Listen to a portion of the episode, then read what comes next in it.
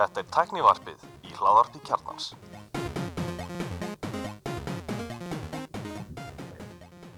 Komið þess alblessuð og velkomin í tæknaðarpið.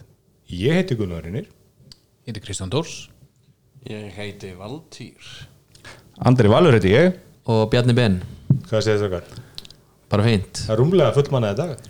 Heldur viður Já, Já, já, stemdi í fámend en, en er Já, og það er kannski alltaf bara að taka það fram strax að við erum að taka upp við aðrar aðstæður en vanlega því að það er komið að því að uh, eignarhalsfélagið á bakvið tæknaðarpið simon.is er með hérna kynningu á uppgjöri á þriðja ársjónungi og og það verður húlumhæ hjá okkur í kvöld og, og svo leiðis en já þess að hlustundur að varu við þá er allt löðrætt í öllumskum með okkur þannig að það er, það er flokknir við fljúláttu fljúin skemmt í eitthvað utan og já, já, gerir náttúrulega. Við erum með, við erum með kokka tæknaðarpið í Já, þessu setinu. þetta er held ég fyrsta skipti sem að báðir kokkarnir mæta Já. í beint varp Jú Við kannski deilum með hlustunum hvað er á matsælum í kvöld. Herðu, við erum, byrjum allan á hérna, á hérna temaki sushi sem er kannski frekar óhefbundi sushi og það er svona, er svona kannski kallað hand roll sushi þannig að maður er með grjónin og allt það og maður setur þetta svona upp í, í raun og veru í svona, hvað kallar maður þetta Kristján? Er þetta ekki svona Súlu. Nei, ég veit er svona keilu. Svona keilu, Já, keilu, keilu. Og við erum með túnfisk og við erum með humar og við erum með hrogn og við erum með Styrjuhrótt frá Rúslandi Við erum með sambönd og Nú, nú, nú, nú þetta við erum með alls konar við erum með alls konar Við heitum svona ári og, og borðum góða mat. Það, það eru sömur hófnum sem er bara enn, henda bara í pítsur, köpa bjór, þið er ekki þar. Nei, við erum ekki þar Ekkert um manni voru með, með kjöt og voru fermentaðar kartöflur. Ég hef aldrei þetta orð en það heitust var svo fermenta og það var sko, hvað búið að fermenta þær í, í mánuð. Jú, ég, þú veist, gerjað gerjað dæmi er bara best í heimi hvort sem það sé græmmeti eða, eða kord sem verður á bjór. Þá klárlega er þetta eitthvað sem vantar á Íslandi það er, það er gerja græmmeti. Allt gerjað er já, já. og við erum náttúrulega akkurat núna að einmitt að, að dásama gerjuna með í formi drikkjar Hafið þið gerjað eftir þetta? Gerjuð epla gerjuð eplapæi? Jú, við, veist, við elduðum eplun upp úr bjór þannig að það, eh, já. Kemst það það er bara ekki. En bara Já. gerjað snikkas í krukku, er það eitthvað? ég, ég, ég, því miður þá var ég að segja að fyrir mitt leiti þá borða ég voða lítið eftir þetta bara, bara að segja En ef þú myndir gerja það, þá vildi myndir vera heitari fyrir þeim. mögulega en ég fæ mér oft snafs í eftirrétt eða eða, eða, það er státt eða eitthvað þannig sko en bara góðir ostar eru alveg eða ostar, ostar, ostar þeir eru- það er, það er minni heitasti eftirréttur. Já, einmitt. þroskaðir. þeir eru þroska sem er gott íslenskt orðið yfir. Já. eða fermenta gerjað náttúrulega er orðið já, þeir eru þetta er aðeins annað ferli en, en þetta er í áttina. Eitthvað svolítið bæta við matsælinn, Kristján, þá erum við opnum í frétti við erum með bábönn Kristján, take it away. við erum með bábönn með grilluðum kórusum, revjum og önd. Þannig að það er alveg bara já, bara veistla í, í kvöld. Stefnir í veislu, þannig að við rölum aðeins um Við erum að rumpa Tækni. og þannig að við förum ólinn í, í matinn. Já, hérna, byrjum að tveim innlindi fréttum, ég sagði hérna fyrir upptökur að það veri klárlega fréttir sem Elmar hefði sett inn, það eru mjög elmarslegar. Og, og þá leiðir þetta andri með hann, þú ég það var nú Hínfulltrúi landsbyðarinnar kom með að það er náttúrulega er stundu þannig að, að þegar að menn vinna heimaunna þá sem að gera sjaldan það er, það hjá er, öðrum en, en Elmari. Uh, og ég, að því að Elmar var ekki að fara að vera með okkur í dag þá þurfti einhver að, að taka þetta að sér fyrsta fréttin er hvað, berskjaldaði sæstringir Já, þetta er raun og veru berskjær sæstrengir og þetta er hérna bara fréttaskýring sem var í morgunblæðinu í vikunni um uh, sæstrengi og, og bara neðan sjáar leiðslur og annað bara, þú veist, í, eftir að sprungu þessar gasleiðslur hérna og allt þetta dót. og ég bara setti þetta inn að því að mér var hugsað sko, við vorum að ræða þetta fyrir hérna svona Tveimur vikum, tveimur, þreimur vikum og kom spurning á Twitter frá Magga Ragg sko, um þú veist hvað gerist ef að það er klift á? Þannig að þetta er svona þessi grein er bara ágættis fyllingin í það. Við kannski erum ekki að fara eitthvað djúpt í það og eitthvað svoleiðis en bara basically við erum fókt Já, við mælum þessa grein, kallum við þessa grein eins og svo hann, hún er aftan, aftan paywall. Já, Umfylgjurinni heilsinni má nálgast í morgumlæðin í dag. er ekki allir áskrifundur á Magganum? Sjálfsögðu, allir góðu menn uh, hinn fréttin það er bara líka svona honorable, men- honorable mention sko að Ground Zero er opið í síðasta sinn í dag Þetta er bara barnaðskán okkar þarna, þarna komin. Eru ekki, eru ekki farað þarna í kvöld? það væri, væri margt vittlusar sko. ég meina sko, það verður engin ég held að sé óhætt að fulla það sé engin í, í tækniverðsóknum sem að hefur ekki farið á Ground Zero Við margótt komið saman þetta akkurat Já, já, við höfum þess að- að já, já, þetta var þar sko. Uh, svo gæti ég alveg fullirt að, að meiri hluti okkar diggustu hlustunda hafi farið að nóttan einu sinni sko. Já, ég fór þarna allavega einu sinni nýlega með vinnufélögum og þetta er, þetta var geðvett sko. Bara þetta er sorglegt að þetta sé að loka Nú er komið hann í við- reyna, Það er svona- það er náttúrulega bara bara næsti klassi fyrir ofan Já. segja það, sko. þú veist, það er bara Jafnvel nokkrum klössum já, já, nokkrum klussum fyrir ofan þið sko. komið oft þangað eða? Já, Já, við höfum, þeir eru vinnir tæknaðarpsins sko. Ég hef aldrei, fyrir aldrei spilað þar en ég er oft þannig að veitingastæðarinn er geggjaður. Já, er það málið? Ég hef borðað þarna tvisvar og ég hef spilað CS hérna í hérna herbygjónum hérna, sem eru hlifið lið hérna sem eru 5 mútið 5 Einmitt. já, geggja gaman sko. Og ég matinu góður um það já, mjög mjög góður. sko. Sko ég tók steggjun á þeim daginn og þetta voru örgulega bara tveir skemmtilegsta klukkutímar steggjurinnar það sem voru bara að spila Playstation, drekka bjór, fá vangi, pítsur. Oh. það var svo en, en aftur að Ground Zero já, sem er ekki með vangi og ekki með pítsu nei, nei og mögulega kannski ástæðan er fór hausin Nei, tjó Nei, ég sko þau vilja meina að COVID hafi eitthvað settið ekki í reyningin já, Ég er nú haldið að COVID er að hjálpa þegar þegar 30-70 kostaði sko eins og einbílis út á landi. Þá fór maður frekar Grand Zero og spilaði leikina heldur en að fara að skjákvöldu já, Já, ég en sko, þú þú veist veist bara loka í COVID. Það? Er- En voru ekki að mæna krypto með hann? Ég kannski gerði það ekki og það voru- upp að falla það er Ég geti trúið líka að þið er á Þetta húsnæð er búin að vera hann að eru alltaf eitthvað voru, voru hann í miðbæ og mistu það húsnæð það ekki? Nú fór ekki ekki á hvað mistu það en fór ekki á hvað grens Grens og svein líka. Við vorum nú þarna og þá voru slagsmálinni Eh, Við erum ekki að tala um illum grensás sko. Nei, Grensás við Boulevard Þetta er- Næst- Þetta er glæsast að breyðkæta í Það er Reykjavík næst fast fallegast að gata landsátt í Hengi skeifuna við eh, Ármúla og og fleiri þarna Vestlanir er ekki, ekki gagginum frá mér á grensvegin og svo náttúrulega eru höfustöðvar upptöku tækniðarpsins náttúrulega bara, Já, bara í 15 Ármúla. metra frá.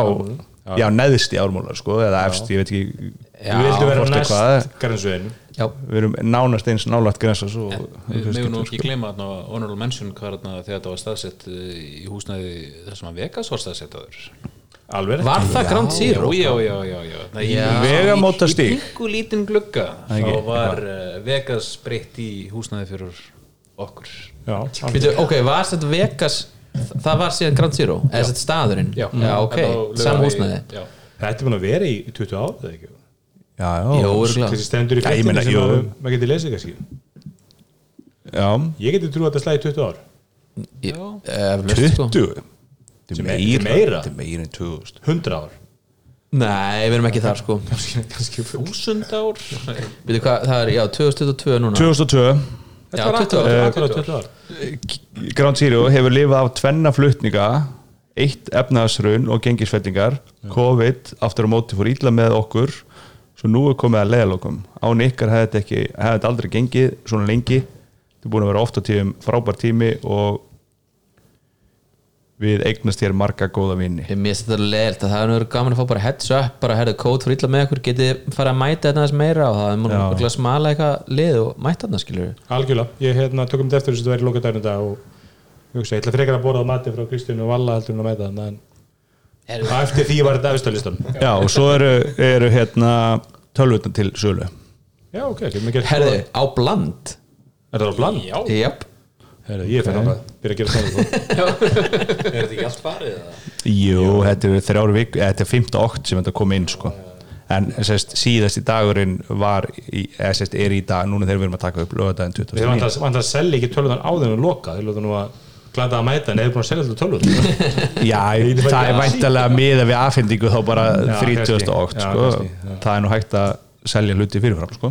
Herði, í áðunum förum í erlendar fréttir Já. Þannig einn þetta er svona í fórsvari uh, Við erum ekki værum ekki hér í dag á nokkur góðu kostnanda við erum ekki að borða hann góð og dýra mat í kvöld á nokkur góðu kostnanda og þessi þáttur er í bóði KFC heimili Boss Bacon á Íslandi.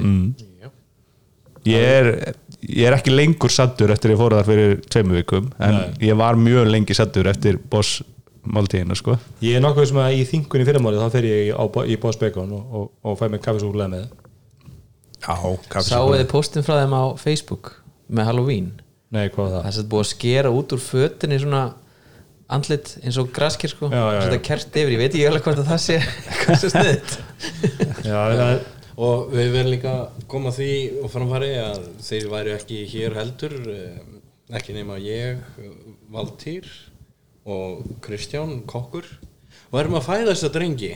Já, indislegu drengi. Yndislega. Nei, það er svona, draumurinn er að það eitthvað tíma ná að finna leyndamálið að þessum hvað, kryddblöndunni, þannig að maður getur nú búið þetta til en held að sé doldið í það þannig að þá verðum við bara að fara hangað og skella sér á já, já, maður verður bara að reyna að gera vel í, í öðru og láta kjúklingin í friði sko. Þess, þennan kjúkling sko. Já, já, það er bara sumir hlutir sem að maður reynir að ná en þú nærið aldrei að snerta það. Og svo mæli, ég mæli með stöðunum eins og í Hafnafyrði og eins og upp í Grárolti sem eru með Taco Bell líka sko. Viltu ekki sko hvaða stað ég mæli með er það? O- Original, já skeifa Uh, Mér finnst þetta gott að fá mér hérna fiesta kartbúlu með kjúklunum sko. Já, það er eitthvað lifehack. Hef maður heyrt. Og svo hellur brúnusvösni við það allt, sko. Já, næs Setur það í blandaran Við, við við fáum hana í stóri er bara Takið brún svo svona sér alltaf. Já, alveg, alltaf, er alltaf brúnusvösni og rásalat. Já, Já, rásalat er þetta. Ég er reyndar bara, mér finnst mjög erfitt að fara inn að KFC á þess að fá mér mægiskolf. Já, það er bara, þú veist, einhvern tíman bara imprentaðist það að það er alveg sama hvort ég sé, ef þú veist, ég er að fara með mismöndi máltíður og allt það, en alltaf tekið það á hann þegar sæt, set smjöri ofan í bókan og loka aftur fyrir og leifi því síðan svona mallast á meðan ég er að það er líka munun á okkar kynslu og kynslu og barnan okkar sko. Þú veist, ég fann alltaf mjög mikið að gáða sér á krakki alltaf búin í Hafnafirði Þú varst alltaf spurður hvað þú vildir Það var alltaf skilur pappi var ekkert í röðinu og horfið á töfluna og svo voru mann að henda fram svona pælingum sko. Nei, nei. þá var bara keft fjölskyldu tilbóð og svo bara stækkaði eftir að fjölskylduna stækkaði og þá erum við alltaf mægi sinni í því og rásalat, Rásalat og, og- og svo misgóðir maður, vildi leggina frekar heldur en og- sko.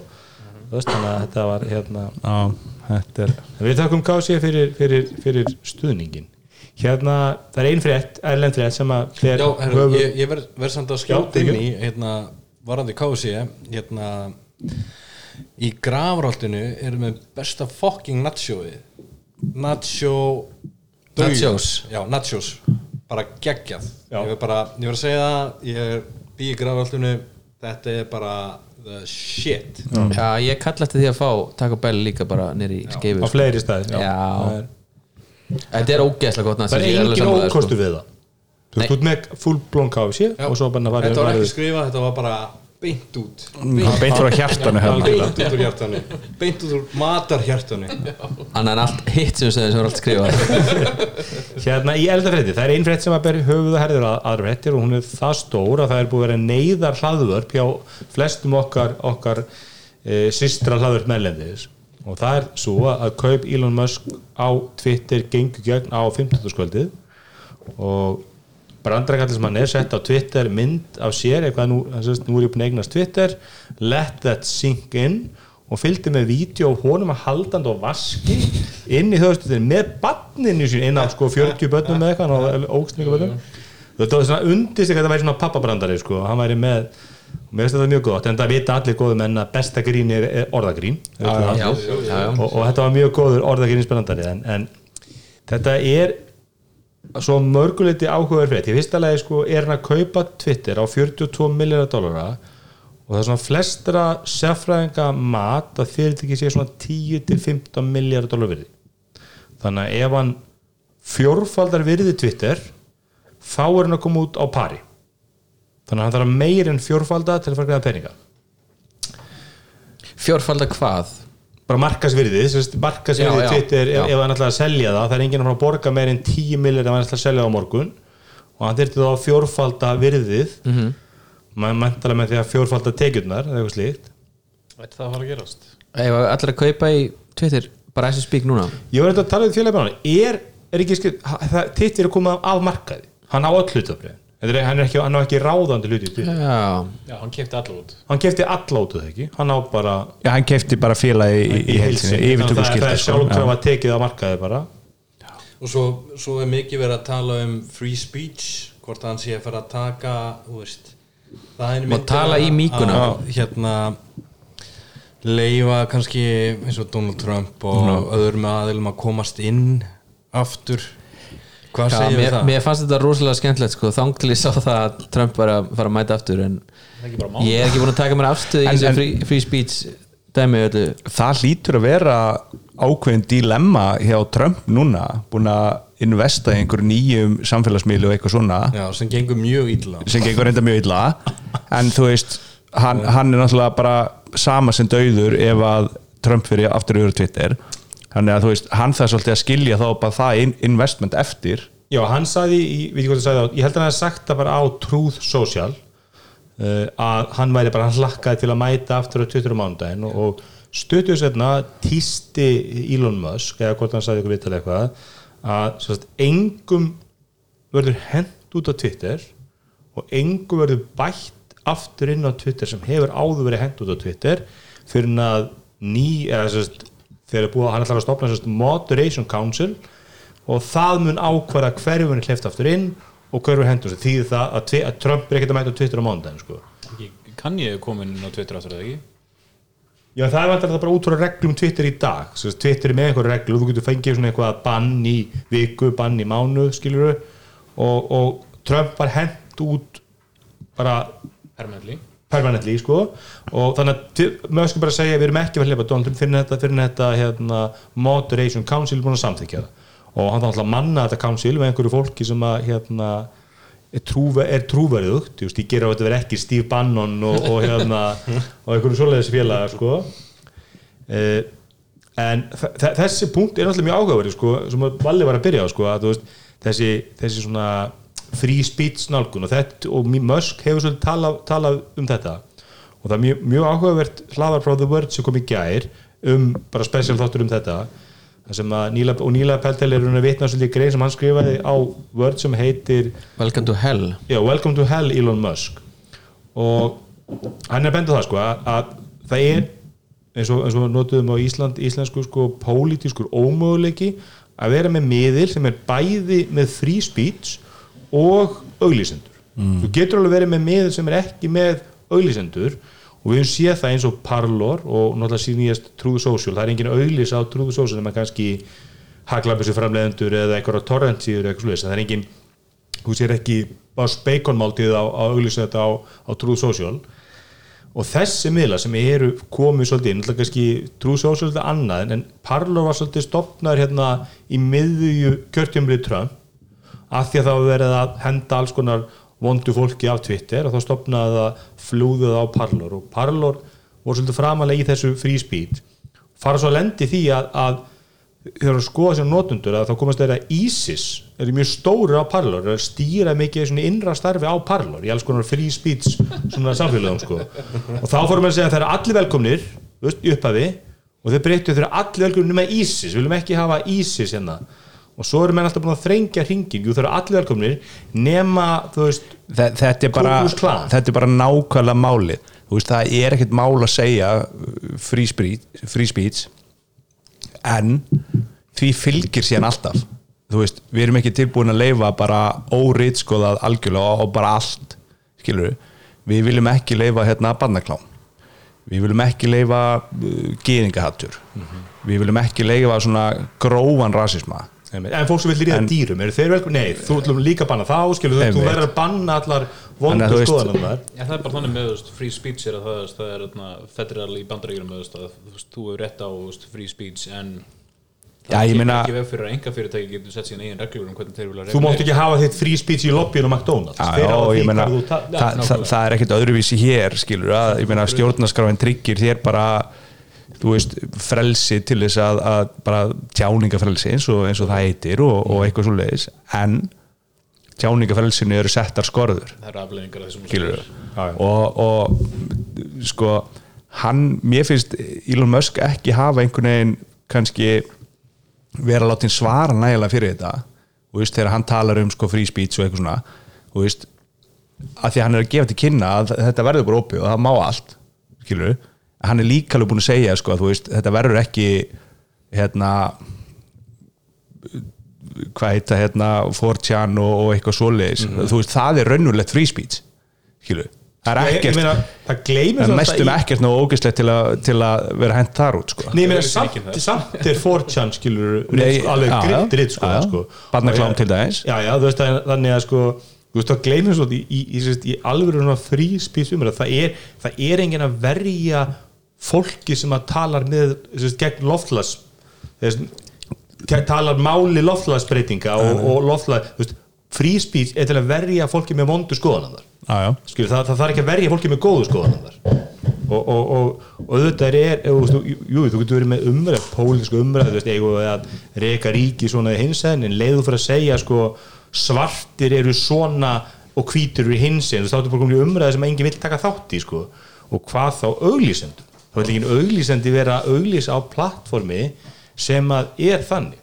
Og ef að Elon Musk hefur einhvern áhuga því að reyna að vinna tilbaka eitthvað af því sem hann, hann setur 42 miljardar dólar til fyrirtæki markaðurinn segir þessi svona 10 til 12 miljardar 12-15 miljardar verði eh, hann getur alltaf bara sagt ok, ég ætla bara að lefa öll að flæðarna því það auðvitað draga saman ætlar hann þá að fara að fjármagna? Ætlar hann að setja 500 miljardar dólar ári inn í rekstu fyrir ætlar hann að fara að reka bara einhvers konar free speech plattform En mér finnst líka mjög áhugavert það sem hann gerði nú á dögunum var að, að hann tvítaði til rússa og Úgrænu að þau myndu ná sáttamiðlun myndu ná að veist, sættast á veist rússar dræði ykkur tilbaka eigið það sem þið áttu fyrir whatever.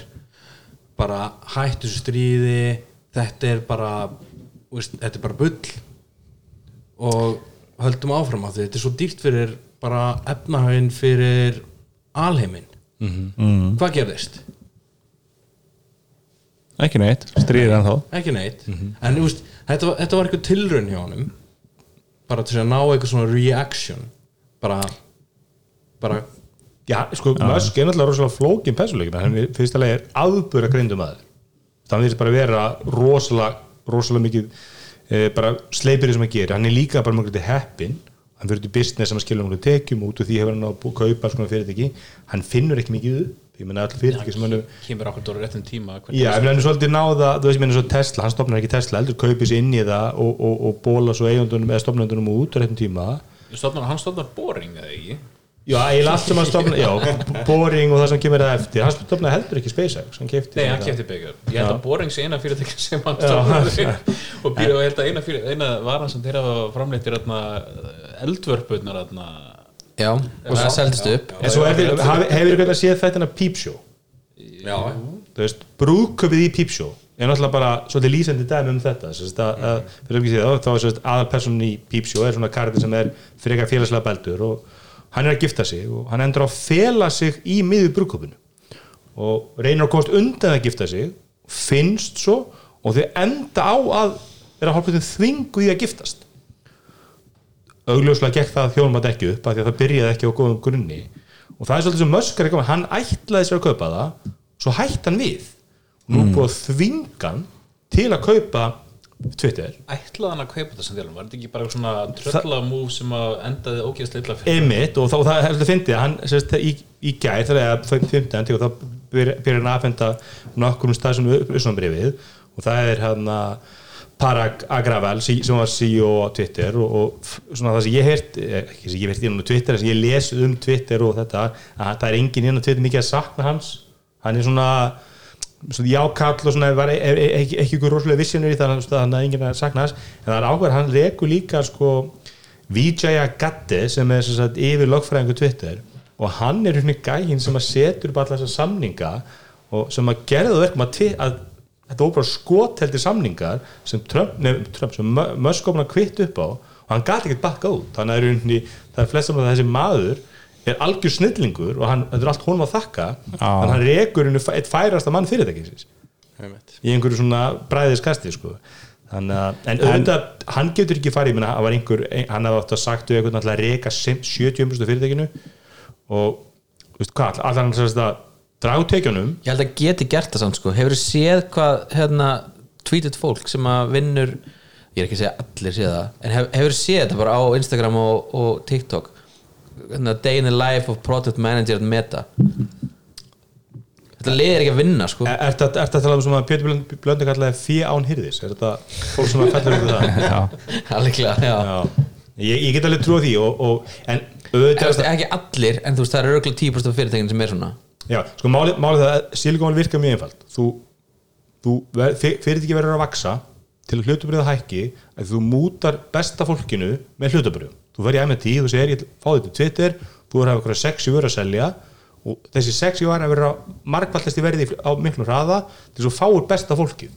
Að því að svo sem er efstur í bekk með MIT hann fer þá bara til Apple eða Google eða Facebook ef að hann trúi því að hann er búin að eignast 10 miljón dólar fyrr. Að til að Twitter geti vaksið og fengið bestu hugmynd, ég meina glemðu ekki, Twitter stopnaði TikTok fyrir hvað, tíu árum hvað hérna, hann að Vine. Vine. Sem bara alveg nákvæmlega sama koncept á Tik- TikTok. Og svo bara, nú gerir ekkert við það henduði bara. Og þú veist, og þið voru bara með Vine. Og, það skilur enginn enn skildi það aldrei af hverju það hætti. Nefnir það var ekki einhver væn stjarn að koma í smálildin og allt í nú bara kalla át sérsveitir að því að það fylltist bara smálildin einhverjum börnum.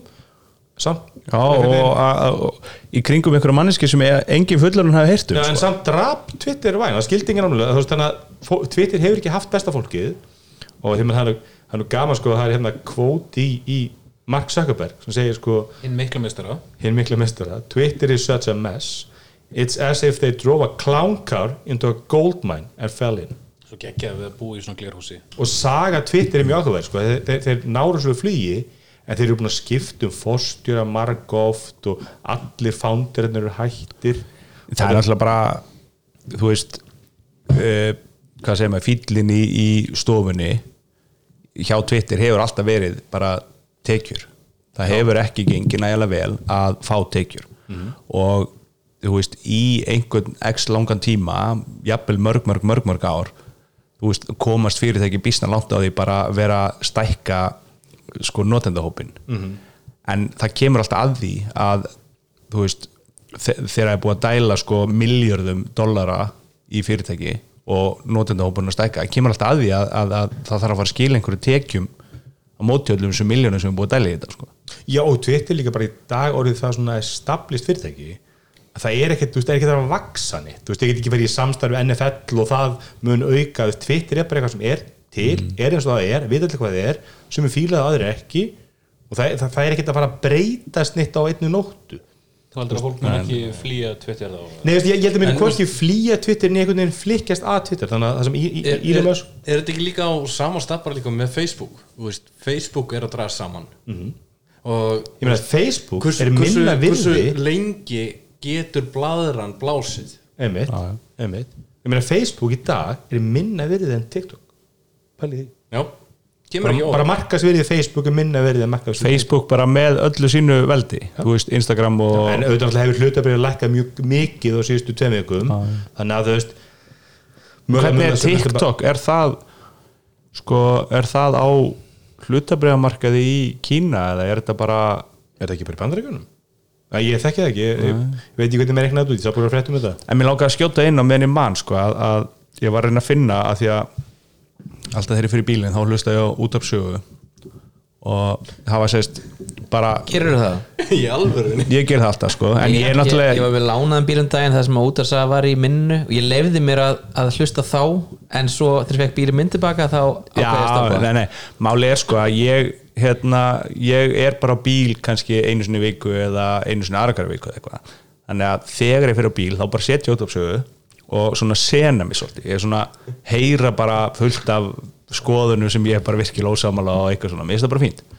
En sérst, bara hvað þetta er sko stórt fréttamála sérst, könnun dagsins á út af sögu í gær var sérst hvort að fólk væri sátt með yfirtöku Elon Musk á, á Twitter. Og þú veist, Ég ætla ekki að sko 90% já, ég er nefnilega var að leita núna og ég finn ekki sko niðurstöðuna.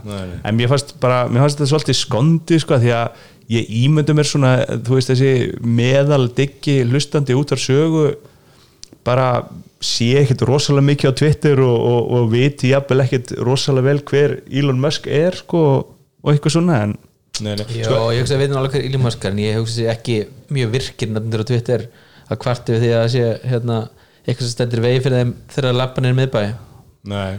Sko, það sem ákvæmt við er það að Musk hefur ekkert að græða öllu að tapa. Þess að ef, ef að þetta fyrir á vestaveg þá mun, mun hann sagt, missa stjórn á Twitter af því að þessir aðal, nei, byrj, byrjum á Twitter. Hann að að hann, hann kemur ekki, hann leggur sjálfur ekki um 42 miljóra dólar hann leggur ykkur pening sjálfur og svo eru með menn með sér eða fjárfæstu með sér og sem að flestir voru vildu losna út en, en þeir voru með þannig samninga að hann, þeir eru að koma með. Og þetta byrjar þannig að hann mun missa stjórn á Twitter þegar, þegar mög, ef við gefum okkur það að hann fari bara all in í heimskunni og hann bara, ok, það bara vilt þú tala um batnaklám bara go nuts, bara þú mátt segja hvað sem þú vilt. Að þá munu alltaf auglýsendur flikkast í burtu og þá munu hinni samstæð eigundir bara stígi inn í. Það er enginn af hinnum sem er einhver heimsbyggjulegur geðsjúklingur sem ætlar þess að, stopna þeir, þeir vilja bræka það peninga. Og þeir munu stoppa í öll göð sem kosta á það tekjur. Þú veist, þau þurfa markvaldatekjurnar og hvað þá sko þeir hafa ekki efna að tapa tekjurnar. Þannig að hann mun missa stjórn á Twitter. Þetta mun mögulega gera verkum að hlutabræður í Tesla mun hrinja það hefur verið mjög svona útblásið mjög lengi og því það mun líka missa stjórn á Tesla. Þannig að, jú, hann verður mold ríkur en hann verður hvorki í, í, í þeirri stöð að hann stýri Tesla eða stýri Twitter þannig að þú veist, þetta er, hann verður öll að tapa og ég er unni veist, ein, eina svona stóri sigurinn sem maður getur náð í, tes, í Twitter er ef að getur einhvern veginn búið til þess að kalla superapp sem er stórt í Asíu, Kóri og Kína. Það sem út með einhvern veginn eitt app og það er samfélagsmiðliðin, það er þú veist, dating appið þitt, það er bankakerfið þitt og allt svo leiðis og auðvitað er það alveg þetta er svona auður og Facebook og Já, Twitter og Já, ég meina þú, ef allir á Twitter eru með, eru með certificate aðgang og ég get bara, ég vil borga hérna bjarna 5.000 skall og bara fer í Twitter og ég bara henda á 5.000 skall og til að hérna eh, gleðja Marin, Marin og vinna okkar skilur, það getur verið einhver krypto á bakvið það sko, einhver, einhver kryptoveski sem opnast og lokast. En þetta er allt mjög erfitt og, og til með þess að þetta erum ekki skoðað með þessi súpura vonda Evrópa sem myndi alltaf banna öll þessi súpura því að leiðut komið eitthvað eitt app meta verið átt verið að feta þessi stóð þetta og fengið álit Evrópa og þeir segja bara nei við erum ekki verið að leifa Facebook að vera banki. Það er bara, það er ómikið vald. Þannig að þú veist þetta er mjög spennandi og ég, meni, ég, held að, ég held að tækni frétti næstu ára muni tengjast Twitter. En við sjáum það bara hvað, hvernig svona hvað andrúslofti getur breyst rosalega hratt þú veist bara eins og með þetta er bitslap hann á Óskarnu með Will Smith. Þú veist og nú bara einhver umræðið að Apple og einhverja mynd sem kostaði 120 miljón dólara og þeir eru alveg að ræða það hendinni. Enda- ekki. Enda kemur Elon Musk frá Það er þú veist, Hvað er endgame hjá hann? Var þetta bara eitthvað joke sem að misumnaðist og hann bara kifti þetta vort? þetta er djók sem að- bissafnaðist og svo sagði hann bara þetta djók og þá sögðu bara hans lögfræðingar þessi, þessi lögfræðingur sem er að, núna búin að reka hann hvað það heiti Vijaya Gata hann bara letið kvitt á samning. Þú getur ekki bakkað út. Já, ég held að þurfa að fylgja með þessu að þetta djók var ekki bara eitthvað svona eitthvað sko eitt skot sem kom út í lofti bara óvænt. Hann hafði sko vikurnar og mánuðinu undan verið að kaupa bref í Twitter og, og eignast alltaf stærri og stærri hlut. Já, já, og fylgjast með Og- markanum og hvernig bríðan voru að hækka eða lækka Já. og hvernig þetta var. Já, fór í stjórn. Hann var komin í 9% eða og ekki? komin í stjórn Twitter.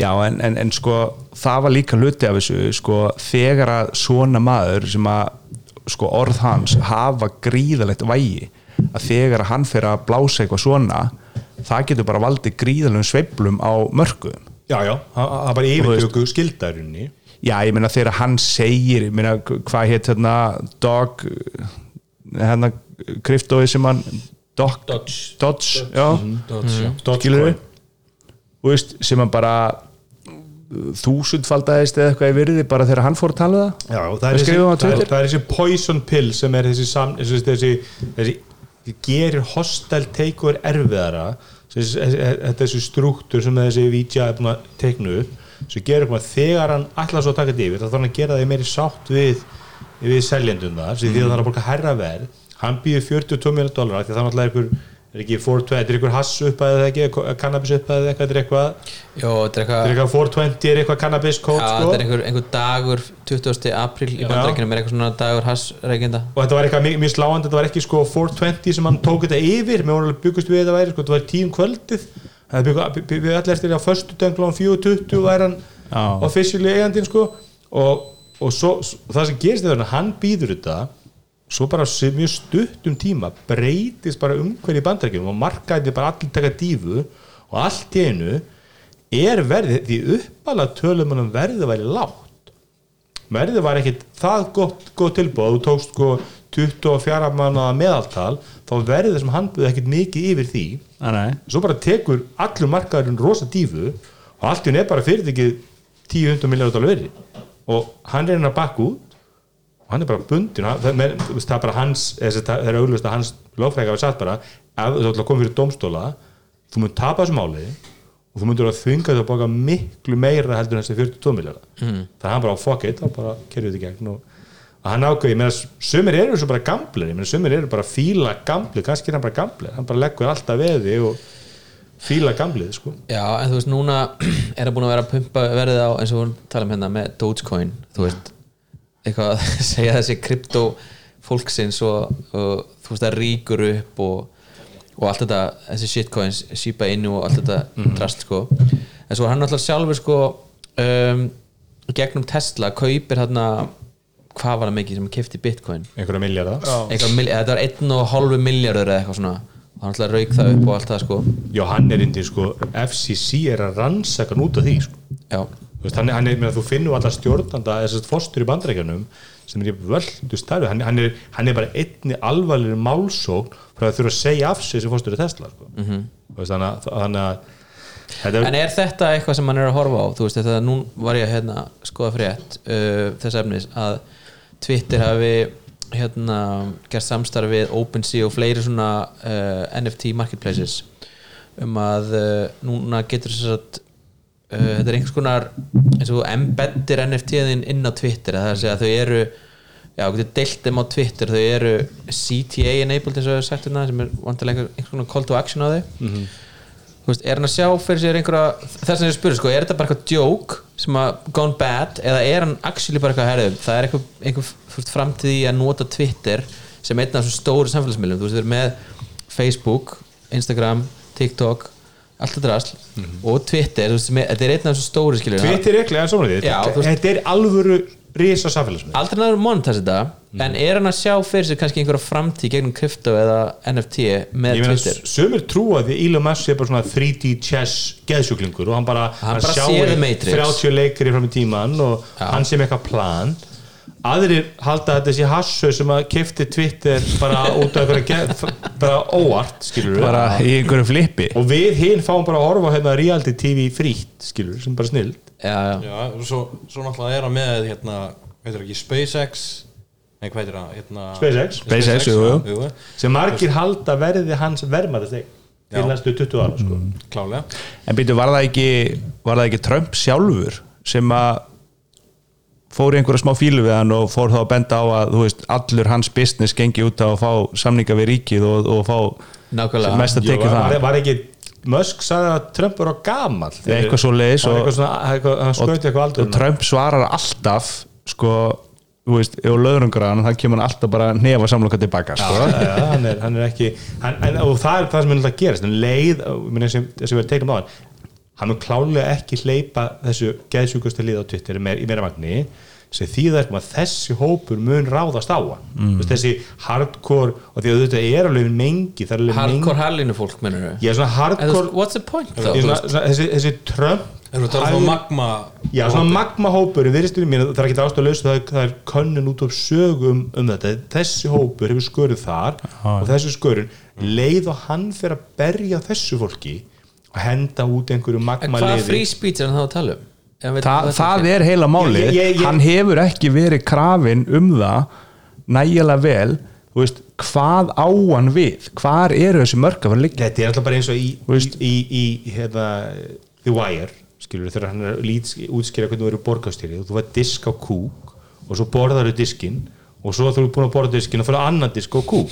Hann er bara eitthvað blaður á Twitter nú þarf hann að reka Twitter og hann þarf að auka tekjunar og auka free speech á sama tíma. Og það eru sumir af því að það sé ekki hægt. Já, já. og hann þarf Svo- að sanna sé hægt. Já, svo um leið og, og hérna hann fer að hleypa inn í, í stóru stíl þú veist um, þessum sa, hérna samsæriskenninga hóp sem að uh, fylgir sér að baki Trump. Þú veist hérna hvað heitir þetta hérna? QAnon. QAnon, já. Ég var að hugsa um Alanon, það er annað.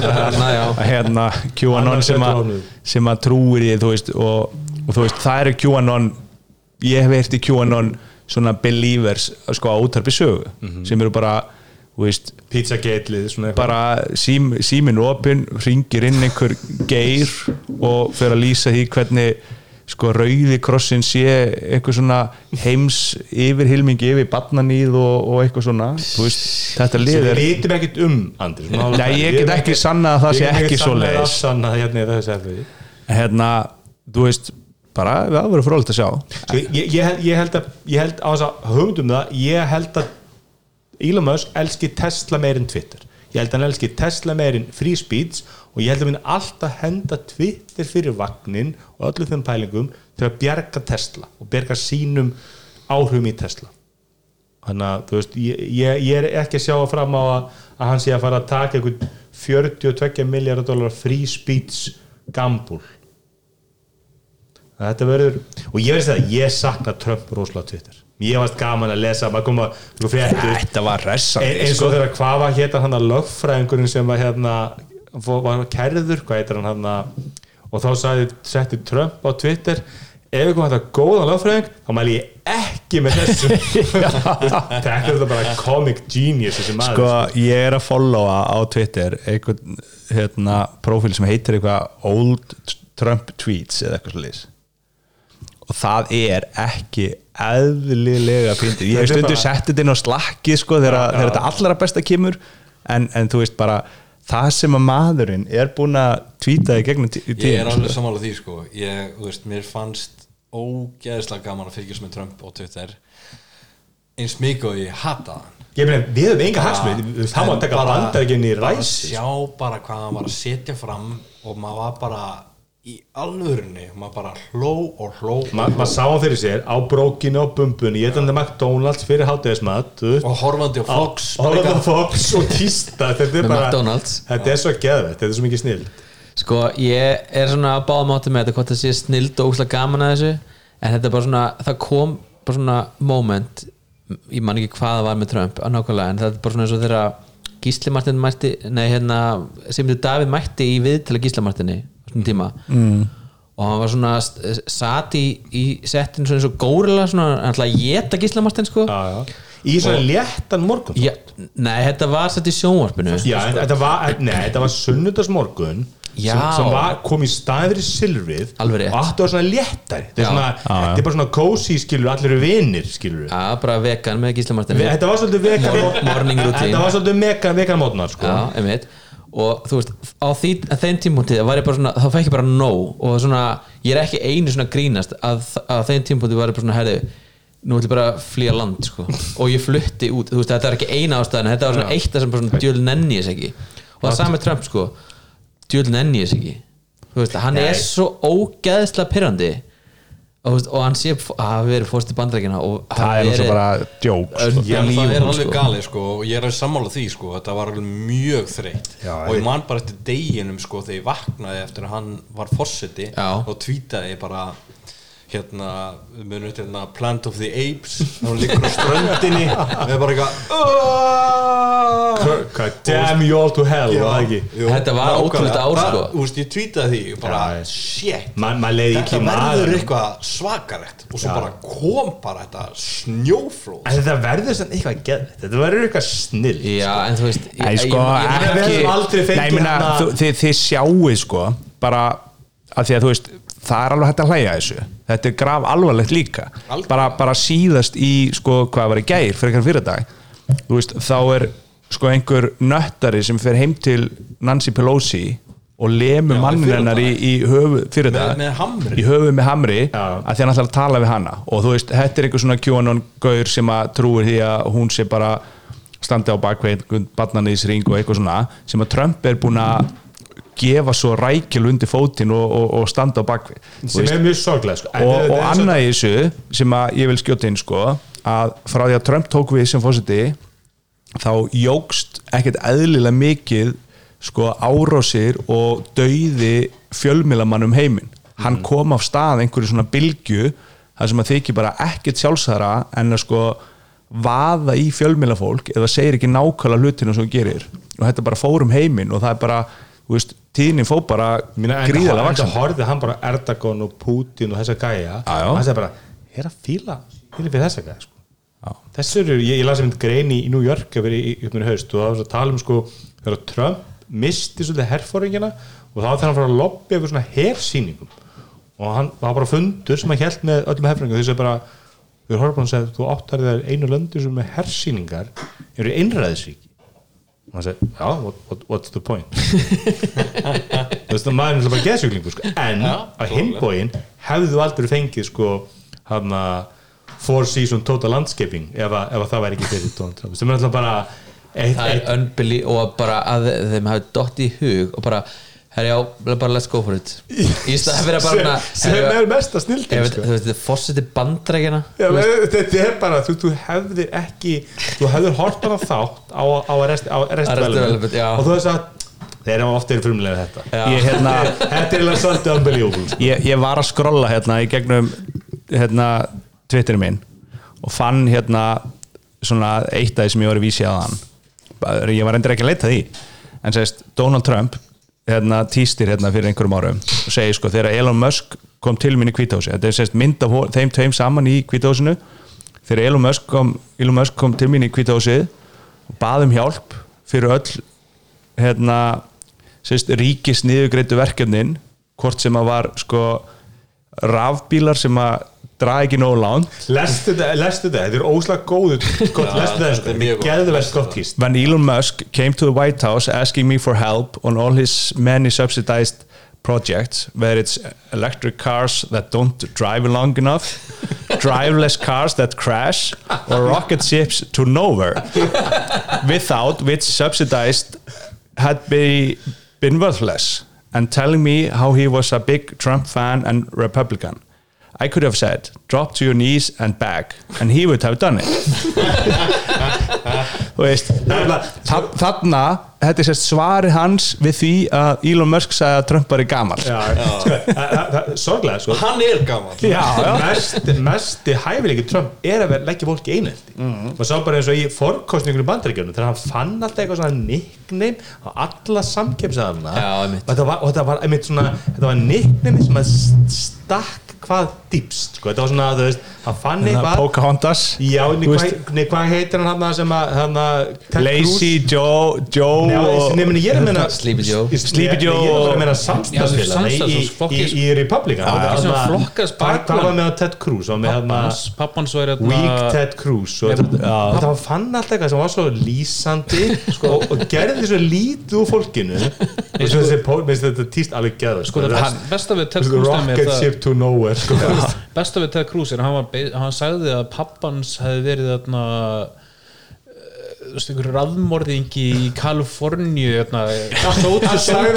Zodiac Killer og hann og konan hans sannar að pappið sé ekki tekinn og okkar mamma, konan hans væri bara eitthvað ljót og hann bara eitthvað nei nei, þú veist, Trump er maðurinn algjörlega, ef einhver segir að pappiðin sé sótekil og þú ættu svona að afsanna það í miðri, miðri kostningabæðinu að pappi, nei, pappi minn er ekki sótekil en Ok, ef þú ég, ég var að finna hérna bestu Wikipedia síðu af öllum Wikipedia síðum. List of nicknames used by Donald Trump. Það er eitthvað það er eitthvað er sko. Joe Biden fyrir mig það 1% Joe, Basement Biden Be Beijing Biden China Joe Corrupt Joe, Crazy Joe Biden Joe Hayden Quid Pro Joe, Sleepy Joe Sleepy Creepy Joe, Slow Joe. Þetta er það er sko, Ted Cruz. Hann er hérna uh, Lion Ted, Texas Ted. Lying og Ted. Beautiful Ted. Beautiful Ted. Já, það er eitthvað personlegt Herri, já, ég, ekki, ég held að Musk umræðinni og Twitter er nokkuð lókið en, en, en þetta verður bara bíó fyrir okkur. Við að fáum hérna eða? frítt 500 miljardar bíó fyrir okkur. Allar ekki að tala um tweetin þannig að þegar fólki var þannig að einu gæsleppa rekið? Nei, ég sá það ekki, hvað var það? Ok, í gæri var satt hérna á Twitter, það var mynd hérna fólki. Og satt Elon Musk tweetar þessu með hérna uh, screenshot úr einhverjum fréttum Musk has allegedly fired an entire team of Twitter data engineers as laid off employees Rahul Ligma and Daniel Johnson are pi- pictured walking out of the San Francisco office on Friday afternoon og þetta er eitthvað fólk sem heldur á kassa að það var rekið fyrstulega, hver gerir það? hver, hver setur dótsitt í kassa og lappar út? Er þetta ekki þetta, er, þetta er alveg agal ameríst þetta er alltaf eitthvað þú, færði eitthvað brúnan pappakassa hendur drastlinur hérna og fær fimm mínútur. Já, en svo er nú fyrirtæki það komið með löst bara þessi fyrirtæki sem er ekki með sko nómörk borð fyrir starfsmennina að þú ert alltaf tilbúin með kassa hann er bara skáp. Og ef þú er ekki þá bara ferði inn í kassa í skápun og segja kassa sko. Já, en þess að djókið þarna var að sagt, uh, hann tweetaði svo Ligma Johnson had it coming og svona aubergine emoji og svona svona, svona wet- splash, splash. Ligma Johnson Ligman Johnson það var eitt sko. Og svo hann er það með, hann er með húmor á því sko. það er það sem ég segi við ánandi hann er fimm ára sko. Og svo hitt var þess að hérna Ligma Johnson einhver Amanda aka Frank sem að tweetaði journalists my name is Amanda Hugginkiss and today I was fired by Elon Musk himself at Twitter HQ willing to take talk on the record. DMs are open Þetta er bara beint úr Simpsons. Það var, ég var ég, ég var einmitt að hlusta. Var var hann að Mose bara Já, já. Já. I'm looking for a man to hug and kiss. Amanda hug and kiss. Þetta hefði verið sko, þetta var rannsakað sko. Sérst, oft er ótti sko þegar byrja svona þegar kemur ný stjórnandi sem ætla að fara að reka velta stjórum sko að það myndi maður halda að það myndi auka líkur að fólk myndi hætta. En það sem gerist er það að undir mennindir þeir eru ólíklegri til að hætta. Að þú hugsa bara ef bossi minn er ekki já, þá kannski fæ ég. Einmitt. ég meina það er gott að sífið að vera direktor of eitthvað hjá Twitter miklu frekar heldur en við ykkur undir level forrættari sko. þannig að ef hann byrjar að reyka vilja liði þá er ekkert víst að, að það muni kalla mikinn flóta eins og spurning með gæðin og fólkin sem kemur það inn í neðri stöðunar sko. En ef að fara þessi í iPad umræð áður en við hérna slútum þessu. Hvað, er, hvað er tíminn? Já, ég er til tæknina maður. tækni, tækni stjóri Tækni, tækni. Andri, þú ert að 53 tala um- mínútur. tíminn er 53 mínútur. Já, mér langar að ræða iPad af því að hérna ég elska af því iPad, þú ert með iPad. Ég er með iPad og, og þú varst náttúrulega fyrir þáttin að, að unnust að þín. Ástkona. Áskona, já, Já. Uh, og við erum alltaf, ég hef verið ég verðist verið einu mann í heiminum sem fíla nýja iPad 10.9 Ertu búin að horfa á MKBHD? ég er búin að horfa á öll vídeo sem kom á YouTube um nýja iPad ég er ekki að tjóka já, tvisvar. Og lesið allir fullan og hérna Byrjum með einu. Er þetta base iPad? þetta er base iPad, já. Akkur ekki Þetta er- 309 dólara með hometakkanum Er hann ekki base? Nei, ég ég spurning hvað, hvað hugtöfum notar það. Ef, ef þú segir hvað er svona go to iPadin? Þegar iPhone 10s kom út og iPhone 10 var bömpaði niður var það iPhone 10 base iPadin? Já, Nei, iPhone-in sko, þetta er ekki ódýrst iPadin þú veist hvað er, er base iPhone-in þá SE? Nákvæmlega eða þú veist, nei, hann er en, en, en þú spyr bara að þú ætla að fá standard iPadin Já. nei, fyrir ætla að standa iPhone-in, þú fyrir bara í, í Nova eða, eða Vodafone, stundum við Vodafone iPhone starfsmenn. 14.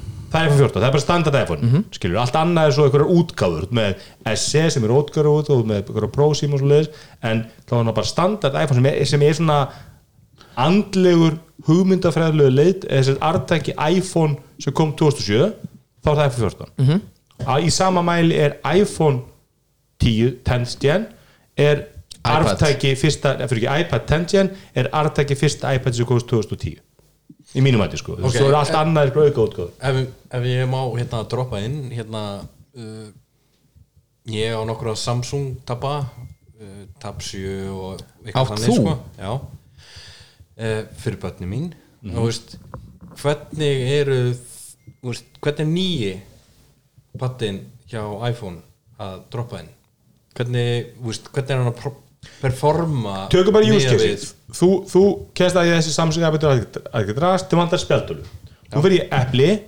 og þú horfir í hilluna og það er til sagt, síðustu kynsluðar iPad á, 90 á 70.000 og þú veist, hann er með svona með heimtaka og, og svona svolítið, veist.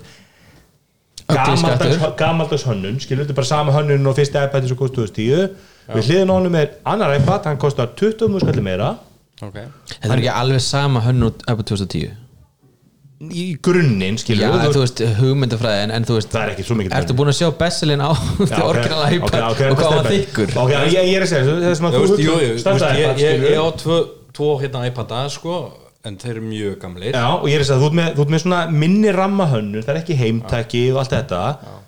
Ég held að þú sem ekki hugsi ég er alveg til að blæða hennan 20 skall. Og það hvernig þú hliður pennan það er enginn sem veit það. Það, það, það er einhverjir örfóðu nördar á Nei, það er öllum sama um það hvernig þú hliði pennan. En hvernig þú hliði pennan er náttúrulega ridiculous. Þú veist það var ridiculous fyrir og þeim tókst að gera það meira ridiculous. Já, þetta var svona eins og að segja, sko, þú veist, lausnin, allir hefur kvartað þú hliðra með að stingu saman og þá var lausnin hún eitthvað millistykki svo hliðið með USB-C snúrunu, þetta er svona eitthvað já, þú veist, ok. Tölum að sem hennar penna. Eða við klára kannski use caseið með Samsung tölunar Já, og, ég, ég er til í það sko. Þú veist, ef þú kaupir iPad til svona 5 ára, 5-6 ára Hvort það Ég- varst í 70-95 Þú veist, er það Ég þegar ég kaupi fyrir börnum mín þau eru náttúrulega eru bara 6 og 30 ára sko þannig að ég er ekki bara beint í, í Nei, þess vegna með S, Þannig að, Galaxy, þú veist, ég, Samsung. ég, ég bara spyrja bara um þú veist, bara, hvernig notagildið og, og hvernig það er sko, þú veist, Það er alltaf sorglega það. batterið, þú veist, ég nota þetta velja bara þú veist, í bílnum þú veist, ég, þú ég- Sko, ég ég skal lofa því að meðal starfsmæður í meðal fyrirtæki er með hægari tölvu heldur en iPad 9th gen. iPadin sem er ennþá í sölu sem komið til fyrra og er með þá tveggja þryggjarlegum árgjöfa ég, ég er ekki meðal starfsmæður í meðal fyrirtæki sem er með einhverja company HP Dell tölvu er með tölvu sem bensar minna heldur en þessi örgjöri nýjundu kynslu iPadi sem kostar í hvað, 70 skall í, í, í hérna epli er frábær spjaldtólfa þú veist, hún er með en fyrir hérna auka 20 skall færðu betri, betri stærri skjá þú fær gigabæt aukileg minni þú fær öflur örgjörfa En hvernig hefur gigabæt auglið minni einhvern veginn skipt máli í iPad það, er aldrei talað um það það. skiptir kannski ekki, ekki öllu mál í dag Nei. en þú kaupir iPad til 5 ára það, það, það munar Já, alveg um já. að hafa auka gigabæt eftir 3 ára, 4 ára, 5 ára Já. þú fær, ég, ég sé að þú, þú notar iPad alveg dagstaglega og hefur gert í 12 ára Mörg ár, ég, meni, ég hef átt iPad frá 2010 já, Þú veist, en ég, ég er, en ég er að segja sko ef, fyrir svona meðan fyrst að þú kaupir iPad bara og þú átt iPad og þú átt henni svona 4-5 ár. Ég held að margir horfi á bara þá hlið við hlið og segi þessi sem er ekki með heimtaka mér hefst hann flottari. Þú veist, Einmitt. og segðu mér, segðu, seldu mér þú veist, bara út frá útlutinu þú horfir á þá tólið lið og þú segir þessi er sætari. Seldu mér það að ég borgi 20 skuldum meira. Og þá var ég, meira minni nýjur örgjöfa, þú fær myndal betri myndavilar þú veist, ég held að það sem að, að ég, það sem ég finnst allir þessir sem er að reviewa þetta þeir eru alltaf að segja hver er, það kostar 120 dólar meira grunnæpadin og þessi nýji nýji base og já ég, ég, hvað fæ ég meira að borga tvisursunum meira í iPad Pro, nú er ég með iPad Pro 11 tómu. Hann er með aðeins stærri skjá heldur en þessi 70 skrúna hann er aðeins hraðari en hinn er ekki hægur. Já, þetta er svolítið að segja, hann er ekki, hvað kostar hann mikið meira? Tvisunum, hann er hann hann er ekki kostar- tvisunum betri. Hann er 100.000 krónur dýra hann er meir en 10.000 hann dýra er ekki 100 krónum betri heldur en næstu fyrir neðan. engan á en, en hvern fyrir hvern er hann fyrir? Er þetta fyrir þig, er þetta fyrir bönniðin, er þetta fyrir er Hver var ekki Gunni sem sendi hennu daginn svona flowchart svona það sem þú svona þú veist þarftu þetta, viltu þetta eða þetta? Ertu í Þá hvað þetta endar í- notan já. dulul, og þá endaður þú síðan á sko, þú veist, eftir í hvað þú vildir. Og þú veist, þegar Já. ég fór í gegnum þetta bara, þú veist ég hef aldrei átt iPad persónulega, ég hef verið með svoleiðis gegnum vinna eitthvað svona, en ég noti þetta aldrei. Mhm. og ég enda á, á sérst, nýjundu kynslu eða sérst, gamla, ekki tíu. Veist, ég, ég er Apple maður bara alveg gegn sko, þú veist, ég hef átt alveg sex sjö MacBook Pro en ég hef bara átt tvo iPad. iPada sko. Af því að ég bara finn, finn mig ekki í þessu situationi sko að vera með iPad. Það- Nei, nei, það er bara eins og ég meina, fyrsta pitsi frá Steve Jobs var bara þetta, þú veist, það, það er til sími og þetta er tölva er pláss fyrir hvað mitt á milli, eitthvað sem að er þú veist, og þá fer hann í alls konar pælingar sko, hvað þarf þessi tæki að gera? Hann sagði hverki skilur þetta er gott til að halda um þetta og kúka. Það, það var ekki kynningun í hánum skilur það, sem er það flesti sem nota iPad eigi sko, þú veist, en hafa með þessi rauk sko, þetta þarf að gera ákvæmluti betur heldur en tölvan og heldur en símin mm. veist, ég held fyrir flest, mér er þetta bara þetta er YouTube tæki, þetta er TikTok tæki þetta er eitthvað sem þú notar og ég, þú veist, fólk kaupir og það, það, er, það er það sem að bæði iPad Air og iPad Pro hafa að, þú veist, þið tala um svona tannleikna tæki, sko læka er langt flesti sem kaupa lækamyndal er ekki atvinni ljósmyndarar sem að kaupa læka því að þær eru svo og svo mikið betri. Það er bara fólk sem á pening og langar að fallaða hluti sko.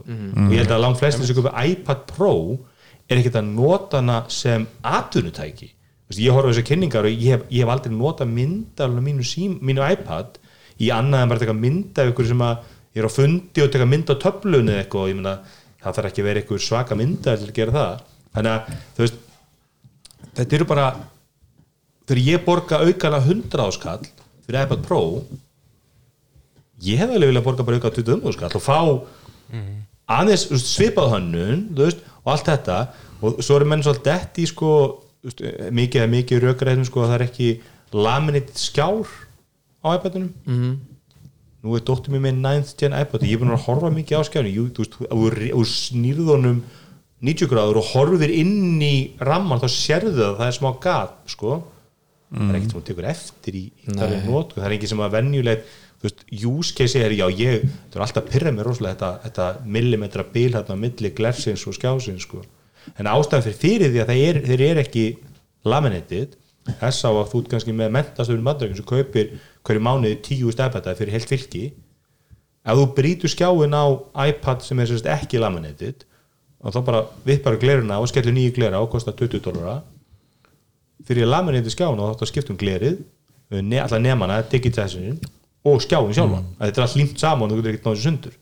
Og þá kostar skjáin 200 dólara veist þannig að þetta er bara það, eru, og því ég held þessi sama með pennan þeir eru örgulega með einhverja samninga við skólan, við munum supporta þessa penna næstu 5 árin, 10 árin skilur þessi pennar verða Já, þess að pennana sem er búið að selja. Já, þannig að þeir get ekki skjá, ég gerir líka ráð fyrir því að, að ástæðan fyrir get ekki notað penna 2 á nýja bötunum er það að því að það er laminið skjá, það er á milli þá virkar pennin ekki þá notar aðra pennatækni en þeir get ekki skipt og mögulega er lausnin að koma bara með penna sem er ekki með lighting tengi, eða sem sagt lighting tippi á heldur USB-C tippi. Já, að þetta er þannig í dag að first gen pennin er með Óbreyttur. Já, hann er með lightning kall á endanum.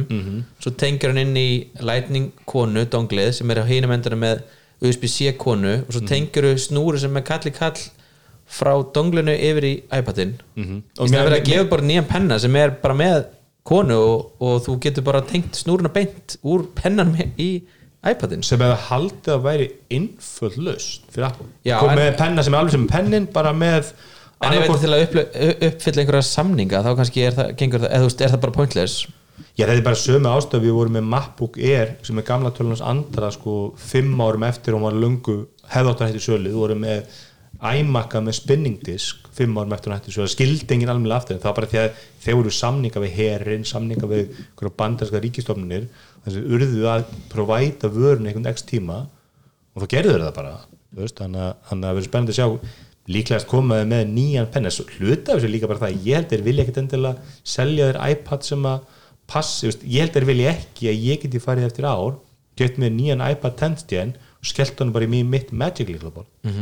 með nýjan iPad 10 stjæn og skellt honum bara í mín mitt Magic líklaborð mm -hmm. það er kostur þá ef ég ætla að koma með iPad sem passa mín líklaborði þá þurfa ekki bara dýrar iPad til grunn iPad þú veist, ég er búin að investa í dýru liklaborðið þá vil ég nota dýrar iPad menn ég, þú veist, aðal ástæðin ég fór í Chrome, ég langaði Face ID það var, þú veist, ég vildi þessi nýju hönnun ég held að allar aldrei að minnast á þetta er, erinn var, fannst mér alveg sexy en mér langaði örflega bara í Face ID iPad, þú veist, það þurfi ekki að vera eitthvað svona með Fingrafari. með fingrafærinu, sko.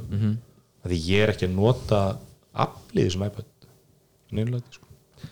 En þetta verður, já, þetta verður hérna en þú varst nú með case, kona þín, eða nei, unnastu þín er að pæla að koma sér iPad, ástkona mín. Ástkonaði fyrir já. ekki já, já, hún er með iPad Pro fyrstu kynnslóð sem hún kefti á sem er 9,7 Sjö tómum, já. sem allir átti, ekki sem hans eintak en, en allir átti eins og maður sé Já, þetta var bara, þú veist, á þeim tíma voru þetta var bara sama hönnun á öllum þessum hérna þetta var allt 9,7 tómu og mini var 7,9 og uh, þessi var með þú veist, það var hraðari og það var fjórir hátalari stað fyrir tvo og eitthvað svona.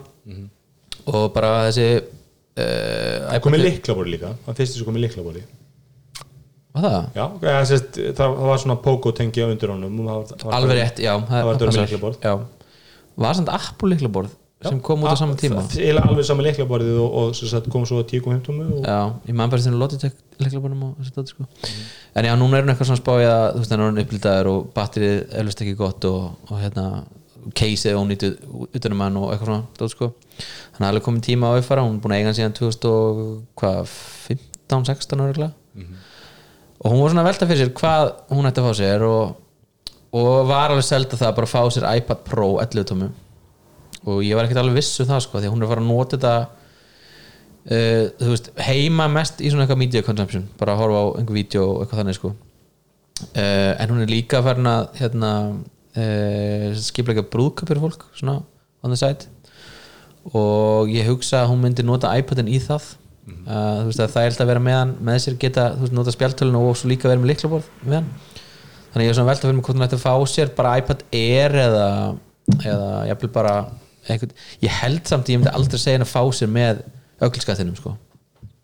Nei, ég meina hún er með djúskil, setja á hlifili setja nýju tíunda nýjundu típuna tíundu típuna og svo er með prófin sko á er hún til að borga hennan auka auka 70 Ekki- hundúð skall, 80 Já. skall fyrir að fara í prófin sko. Ég er ekki vissin það sko.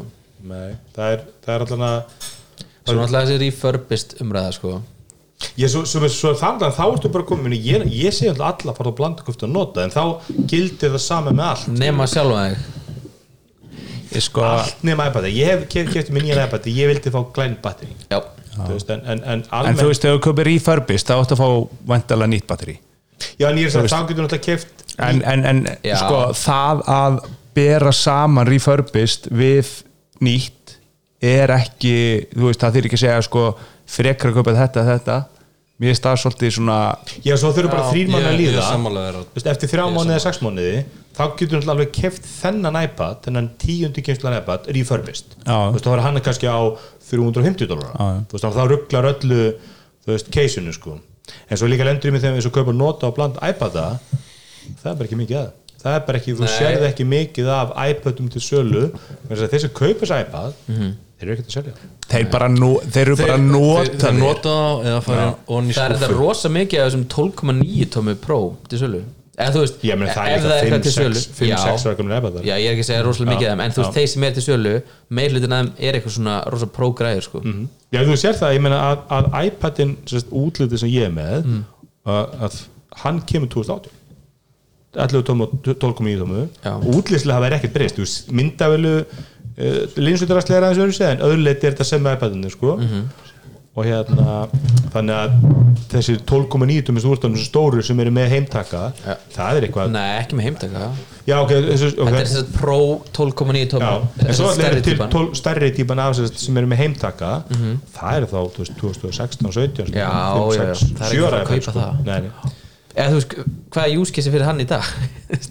Til að láta börnin fá bara horfa á sama- YouTube á og bara sama allir ég meina, ég, ef ég er vel heðalig ég, ég myndi halda svona 80% minni nótkunum mínum til vídeohorf YouTube og minni er elda og veist, Plex minni er að ganga fyrir matinn sko. Já, ég, saman hér, það er bara YouTube og Viaplay. Þannig að þú veist, ég held einmitt að, að þú veist, kona þín og, fyrir ekki, Ástkona mín, þín. Ástkona. og, og þín fjölskylduvali þegar þið komið í búðina ég held að þið sem bara ágættis sem sagt, use case fyrir það að ég er til að borga aðeins meira ég er ekki til að borga 170 skrónur skilur við, og þá er þetta bara ég fæ aðeins sexi, meira sexi í hönnun þú veist, aflið er nóg, minnið er nóg er allt nóg. En í hvað í hvað ert að nota, eða þú veist, ekki þú í hvað notar fólk iPad Pro með M1 ég held að langt flestir kaupi iPad Pro M1 alveg sem ástöðu koma að læka myndar því þeir geta það. Já, ég held, veist, ég, held, ég held að þetta sé meira sko sagaklaspæling Já, þeir, þeir, að, þeir sem að kaupa iPad Pro það, það er fólk sem að borgar ekki sjálf og Apple þarf að selja hugmyndur Minna, a, a, a, Apple seldi ekki iPoda þannig að þú mútir hlusta tónlist. Apple seldi iPoda að þú mútir léttast um 10 kíl mm. þú kaup, þú fyrir út að hlaupa til að út að hlaupa, þá kaupir þér iPodin hann mun hjálpa þér að fór út að hlaupa og þú léttast um þessi 10 kíló sem vantar og það er allt iPodum að þakka. Það var, þeir sínduðu fólk að hlaupa og reyfing og svo leiðis, nákvæmlega sem að Apple selur það að þú ert eitthvað svona fagmaður sem letur aðra borga fyrir þig og þú ert að taka vídeo og þú ert arkitekt að gera eitthvað. Langt fyrir veist, það, það sem ég sé sko úr sem auglýsingum frá Apple varandi þessa græju er það að ég að, veist, að nýta tíma minni commute veist, frá heimili til já. vinnu og ég get klift veist, ég, ég vinn sem grafískur hönnur ég, ég klippi líka og ég að nýta minn tíma frá heimili til vinnu til þess að vera að vinna sem mér finnst bara galið því miður af því að Sérst að þú hjólar í vinnuna ekki? Já, ég meina þetta er þannig er þetta auglýst fyrir Já, en þetta er bara allt annað use case sko, Já, þegar þú ég- byrði þegar þú- byrði í, sko, einhverstað djúftin í Brooklyn eða upp í Queens eða eitthvað Mhm. og það er að koma út á hverjum degi kannski klukkutíma aðra leið þú veist, ef þú getur nýtt komjútið í að vinna Klálega, þá ég þarfst að vera að segja- ég var bara að segja fyrir mig Já, virkar ekki, mitt- alls ekki fyrir okkur. þó, að- þó að ég búi í gráarhaldinu sko, Já, en þá er ertu að keyra allan tíman. ég er samt að komjúta að ég er á- hlaupahjóli eða hjóli eða Við erum tekið sem umræði við með, meðlum í teknafnum sem, að- sem að raukstill alltaf, alltaf að hann þyrfti prófa því að hann inni á tækin skilur, og ég meina, Já. þú veist, það vinna allir á tölvunni sinni Förum bara þessi yfir þetta hérna á apple.com skástrík iPad Basic Pro. Hver skilabóðin eru? Ok, ég skróði niður. M2 chip, Next Generation Performance. Ok, þetta er fyrir þá sem þurfa performance fyrir þau sem þurfa Já, performance. og svo er rosalega mikið tala hérna þetta sé hérna 8 core, 10 core, 16 core GPU eitthvað ráða það. Herru, það er hérna 12,9 tómu Liquid Retina XDR display. Ok, það er geðu ykkur skjár á þessu. Sem að vídeo líkur, ó, lítur óslega þá Já, þannig að ok, sagaklass ennþá sem komið er svo er 11 tómu, P- Pixel Perfect Portability, cool iPad OS, það er á öllum iPadum eða ekki, jú, það er á öllum Jú. jú. Jú, jú. Uh, Cameras, Capture and Connect on a deeper level ok, það er geða eitthvað myndalar á þessu fólk- það í vídjónu frá Apple þá sína þér fólk í sko high production vídeoframleðstu Já. að taka það upp á iPad nú þekki Nei, ég ekki mikið í því ég- held að þeir nota ekki iPad. Skjóta inn í, ef það væri til iPad ekki með myndavel, ég myndi kaupa hann. Veistu hvað, ég, ég er búin að pæla mikið í þessu, sérstaklega með iPhone og iPad og, þú veist, jú, þetta eru flottar linsur og allt en hvað ertu með í kringum þessa fucking linsu? case, Ertu með stabiliseringu? já Já, digitali ertu með krana? Ertu með hvað græjur ertu með? Það Þú getur- sagt- að þú sért með flotta linsu Já, þú það getur er sagt að þú hérna sért með flotta linsu það er hérna Wi-Fi 6E og 5G þú veist, ok, það er basic í nýjum tækjum í dag. Við erum talað um það sko 170 skall það er grunntýpan án 4G sko.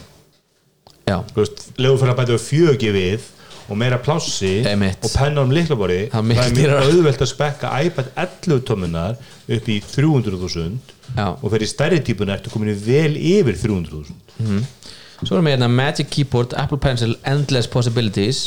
Ok, Æ- æðislega liklaborði þá erum við að tala hérna við fólk sem er sagt, professionals, grafískir professionals, ok. Cool, svo höldum við áhrum hérna. Amazing apps for every workflow. Ok, þannig að þetta hendar öllum. Ok, use AR to view the new iPad, já ok, það er bara eitthvað að skoða þetta í AR hérna. Trade in, bla bla bla, that's it. Þetta er bara sagaklass iPad. Hann, hann er það bara.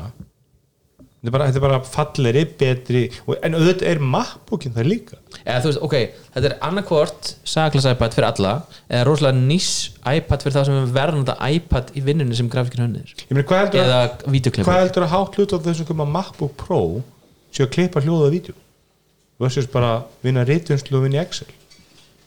Ekki margir. Ég, er- ég segi þetta er bara, þú ert bara að borga meira fyrir eitthvað meira næs saglas Herri, ég held að hérna kokkarnir eru byrjað að gefa merki að fyrst í rétturinn að það er borðið, það er það að tæma upptökuborðið.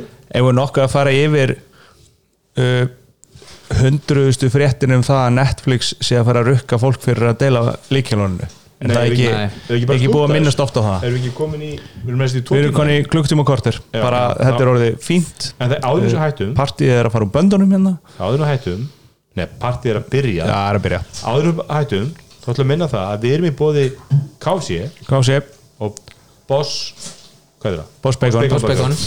og við þökkum KC fyrir stuðningin og hvetjum og Já, við, við, kaffsúkulega við hvetjum hlustunum til að fara á KC í dag og við erum að fara á KC í þingunum morgun Já, Yes. og síði grafaraldi 10 á 10 10 10 Skeifan 10-10 já, Nachos og fullt á fullt á osti. Takk fyrir okkur. Takk fyrir okkur